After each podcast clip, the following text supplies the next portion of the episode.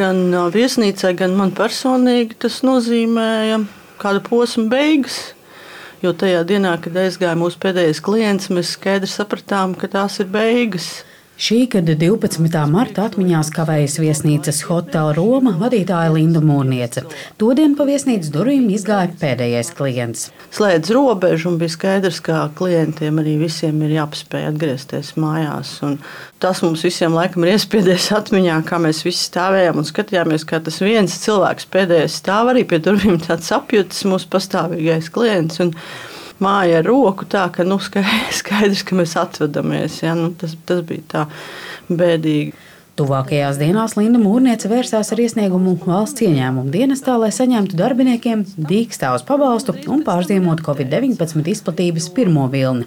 Diemžēl vidi atteica izmaksāt dīkstāvus pabalstu Mūrnieces vadītā uzņēmuma 55 darbiniekiem, tāpēc, ka martā viesnīcē bija izveidojies nodokļu parāds vairāk nekā 30 tūkstoši eiro apmērā. Jā, mēs bijām parādā valstī nodokļus martā jo mēs katru gadu martā esam parādā valstī nodokļus ne tikai es konkrēti, mans uzņēmums, bet visi, kas strādā turismā un viesmīlībā, jo sezona sāks marta vidū, aprīlī parasti.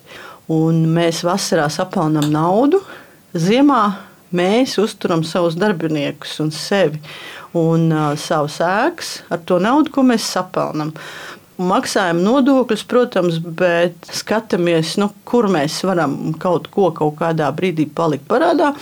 Un martā mēs parasti esam parādā pilnīgi visiem, diemžēl. Un aprīlī, kad sākas sezona, mēs to parādu ļoti ātri atdodam, burtiski pāris nedēļu laikā. Tā situācija katru gadu ir bijusi tāda, un valsts ieņēmuma dienas to lieliski zināja. Šo lēmumu bija iespējams pārsūdzēt, bet Linda Mūnēts izlēma to neizmantot. Nebija laiks gaidīt. Pārsūdzība var ilgt no dažām dienām līdz pat mēnesim. Bet cilvēki gribēs uzreiz, nevis pēc mēneša, un katra diena uzņēmumam ar darbiniekiem, kas ir aktīvi nestu mīnusos vēl tūkstošus. Mēs būtu ļoti dziļā bedrē, ja mēs gaidītu vēl kaut kādu laiku uz priekšu. Līdz ar to beigās sanāk, ka viss bija pareizi. Es pieņēmu lēmumu, ka mēs beidzam darbību, slēdzam viesnīcu, un darbinieki visi aizgāja uz bezdarbniekiem. Jo tā bija viņa iespēja saņemt naudu uzreiz pēc kaut kāda laika, un tā bija mana iespēja neiestikt vēl dziļākos parādos. Arī vērtējot šī brīža situāciju, Linda Mūrniece teica, ka lēmums bija emocionāli smags, bet pareizs. Šobrīd gan visiem darbiniekiem bezdarbnieku pabalsti jau ir beigušies, un atrast jaunu darbu ir grūti. Arī pati ēka pēc Lindas vārdiem lēnām mirst. Jo ēkas, kurās nav cilvēku, mirst, un es redzu to katru dienu. Es esmu tur palikusi, kādam tā ēka ir jāpieskata, es redzu, kā viņa lēnā garā beidz funkcionēt katru dienu. Kaut kas saplīst, noplīst, pārplūst. Nu, ir tāds drūms skats, vecrīgs pašā sirdī, tāds pamests Titaniks. Linda Mūrniece teica, ka viņas veiksme ir tā, ka ēkas īpašnieks sūta naudu nekustamā īpašuma uzturēšanai, bet nākotnē visticamāk īpašnieki ēku pārdos. Kad tas notiks, ir grūti prognozēt. Jautāja, vai viņas uzņēmumu spētu glābt, ja jau martā atbalsta pasākumu kritēriji būtu noteikti tādi, kādi ir tie pat laban, kad ir iespēja pieteikties ne tikai dīkstāvs pabalstam, bet arī daļējiem dīkstāvs pabalstam un ir pieejamas subsīdijas apgrozāmiem līdzekļiem. Martā daļējā dīkstāvs dīkstāvu palīdzēt, bet tajā brīdī tas nebija iespējams. Tad bija pilnībā visiem jāaiziet dīkstāvē.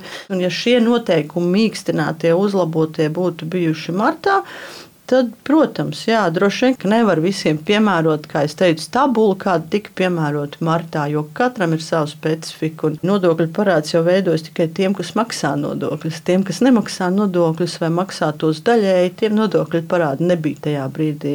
Lindai Mūrniecei jautāja, vai arī nākotnē viņa savu profesionālo izaugsmes ceļu varētu saistīt ar turisma un viesmīlības jomu. Es arī pirms laika teicu, ka es gribētu pili vadīt, piemēram, vai kruīzes kuģi arī bija man tāds sapnis kādreiz, bet nu, jā, tad pienāca marts un nu, kāds kruīzes kuģis. Ar draugiem runājot, mēs esam auguši padomu laikā. Mēs, protams, arī grīdas mazgāt, ja vajadzēs. Es varu darīt arī jebkuru citu darbu, iemācīties jebkuru citu darbu. Bet, protams, to komandējošo tonu no manas grāmatas izsist, kā es saku, priekšnieks paliek priekšnieks. Es pat grīdu mazgāju, droši vien mēģinātu regulēt satiksmi sev apkārt. Kā droši vien būs jāmēģina tomēr pašai kaut ko izdomāt. Viesnīcu hotelu Roma Linda Mūrniec vadīja astoņus gadus un atzīst, ka šis bijis ļoti nozīmīgs dzīves posms gan viņai, gan visai viesnīcas komandai, jo ar daudziem plecu pie pleca strādāts kopš pirmās dienas. Linda teica, ka tā bija kā liela ģimene un viesnīcas slēgšana bija emocionāli sāpīga, jo tā bija ne tikai biznesa izbeigšana, bet arī otras ģimenes pazaudēšana. Linda Zalāne, Latvijas radio.